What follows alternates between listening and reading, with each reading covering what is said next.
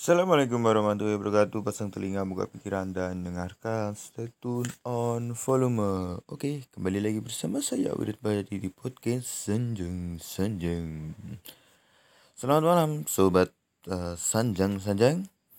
Nah, kali ini saya akan menemani hari-hari Anda dengan uh, sedikit seram-seram lah. Ini adalah Nah ini dalam acara program seram-seram gitu teman sobat sanjang-sanjang. Nah sobat sanjang uh, simak terus dan sampai tuntas. Ini ada sebuah cerita sih. Judulnya adalah Gending Alas Mayit. Teror gamelan. Ini yang pertama. Teman-teman sobat sanjang-sanjang. Oke, cekidot kita langsung saja ya. Kita dengarkan dan kita simak. Oke. Desa Mindo Alit, sebuah desa terpencil yang jauh dari sosok hirupiku. Pemandangan indah Gunung Merapi selalu setia menemani pagi setiap warga di desa ini. Sama sekali tidak ada yang istimewa sih di tempat ini. Bahkan di desa ini masih jauh dari kesan modern. Rumah-rumah di sini masih dibangun dari kayu.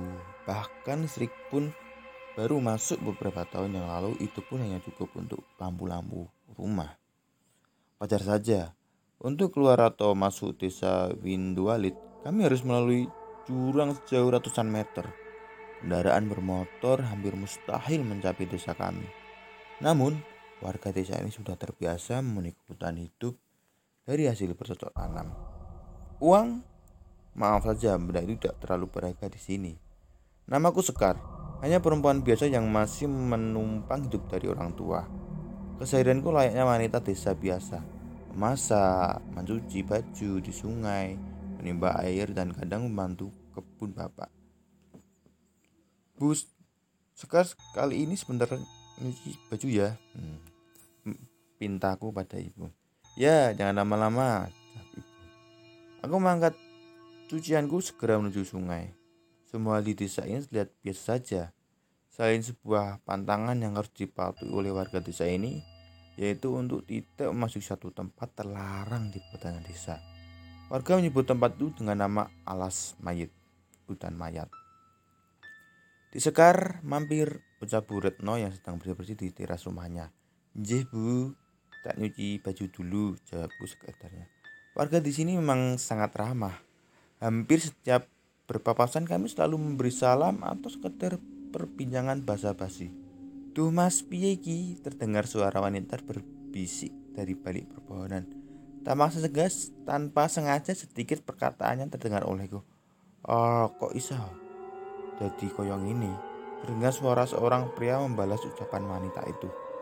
Aku coba menghampiri, namun seperti sadar akan kehadiranku mereka segera berlari meninggalkan tempat itu. Ya sudahlah, aku juga tidak tertarik dengan urusan orang lain gitu. Aku menyiapkan pakaianku dan segera mencucinya di sungai. Tak jauh dari tempatku juga terlihat beberapa ibu-ibu sudah lebih duluan sampai ke tempat ini. Sekar, kesiangan ya. Hanya salah satu ibu di sana. Jih bu, ibu tidak nyuruh bantuin masak dulu, jawabku. Ya wis, tak pamit duluan ya Sekar. Lanjutnya lagi. Jih bu, Ngatos-ngatos satu persatu ibu-ibu meninggalkan di sungai sampai akhirnya hanya aku sendiri. Segera aku menyelesaikan cucianku dan kembali ke desa. Sekembalinya dari sungai, desa terlihat begitu sepi. Namun sama-sama terdengar suara ramai dari balai desa. Aku segera menghampiri ke sana. Dan apa yang kulihat benar-benar bukan pemandangan yang biasa. Seorang wanita itu Laksmi ia tersungkur di tanah dengan tubuh penuh luka seolah dipukuli dengan sangat keras. Iki anakmu mas, anakmu. Tangis Laksmi sambil memohon kepada lelaki yang telah memukulinya itu. Perempuan, perempuan brengsek, ucap laki-laki itu sambil mencoba menghantamkan tinju lagi ke Lasmi namun segera ditahan oleh warga. Jangan menjelek-jelekan suamiku. Tidak mungkin suamiku mau dengan pelatur seperti kamu, ucap istri dari pria tersebut. Aswanaga sang juragan ternama di desa ini. Sudah, bunuh saja. Teriak salah orang anak buah Aswanaga memanaskan emosi warga. Jangan pak, bicarakan baik-baik dulu, ucap salah seorang warga. Sekali lagi pukulan yang keras menghantam Laksmi dan wanita itu hanya diam berlutut sambil melindungi janin di perutnya. Sudah pak, sudah. Jangan sampai ada yang mati. Kalau terpaksa, usir saja dia dari desa ini. Ucap kepala desa yang merasa takut dengan pengaruh Aswanaga dan anak buah yang terlihat bengis. Baik buat dia, usir dia dari desa ini. Perintah Aswanaga kepada anak buahnya. Tiga orang bertubuh besar dengan kasar menarik tubuh Lasmi menyeretkan tumbanya keluar dari desa. Tubuh Lasmi yang lemah tidak mampu melawan. Tanya tangis yang terlihat dari wajahnya. Sudah beberapa minggu lalu setelah diusirnya Lasmi dari desa. Beberapa kabar tidak baik tersebar di antara warga desa tentang pengusiran Lasmi. Anak buah Managa dikabarkan membawa Lasmi ke hutan terlarang di perbatasan desa, memperkosanya dan menghabisi nyawanya. Tidak ada satupun warga yang berani menanyakan atau memastikan kebenaran kabar burung tersebut. Semua berlalu seperti tidak ada yang terjadi. Sampai sesuatu terjadi di malam bulan purnama. Suara gamelan terdengar tanpa henti sepanjang malam. Warga mencoba mencari sumber dari suara musik gamelan tersebut. Namun, suara itu berasal dari hutan desa. Saat malam sudah mencapai puncaknya, dengar suara teriakan dari rumah Aswanaga. Orang bocah laki-laki mendobrak keluar rumah dan menarik kesetanan mengikuti alunan musik gamelan. Warga yang melihat mencoba membantu Aswanaga menghentikan anaknya itu. Namun, tarian semakin mengerikan. Bocah itu tertawa, memutar kepalanya ke belakang hingga mematahkan lehernya. Aswanaga coba menghentikan, namun tetap saja tidak mampu menahan. Dalam kondisi seperti itu, bocah itu tetap bergerak, menari dan berlari menuju hutan. Warga ramai-ramai mengejar suara gamelan terdengar semakin cepat hingga sosok anak itu menghilang di tengah kegelapan hutan bersamaan dengan hilangnya suara gamelan yang berbunyi semalam. Pencarian tidak mungkin dilakukan di tengah malam, apalagi dengan penyerangan yang seadanya. Akhirnya, warga berjanji membantu Aswanaga mencari anaknya di pagi hari. Pagi menjelang, warga bersiap dengan pelatan saatnya untuk membantu Aswanaga mencari anaknya. Namun, Sebelum dia belum masuk ke dalam hutan, terlihat sosok badan tergeletak di mulut hutan dengan tubuh yang mengenaskan. Kepala, tangan, dan kaki tidak menyatu dengan tubuhnya. Itu adalah jasad bocah yang menari kemarin, anak dari Aswanaga. Warga sangat panik. Terlihat dengan jelas raut muka gelisah di wajah anak buah anak, anak buah Aswanaga. Namun kenyataan ini baru permulaan.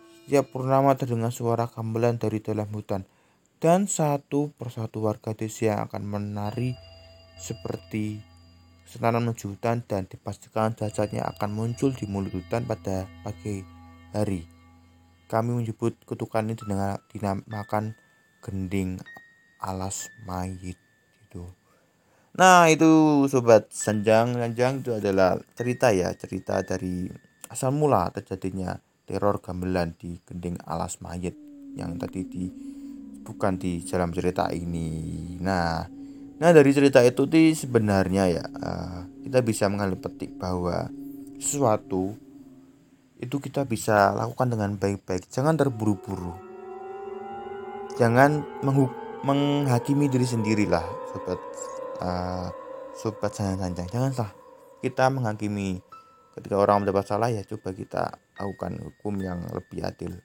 Atau ber, uh, berikan kepada uh, tetua kalau misalnya desa atau penegak hukum desa ataupun kalau di um, negara ya kita di ranah hukum di pengadilan gitu. Ya ada ada apa ya ada prosesnya gitu.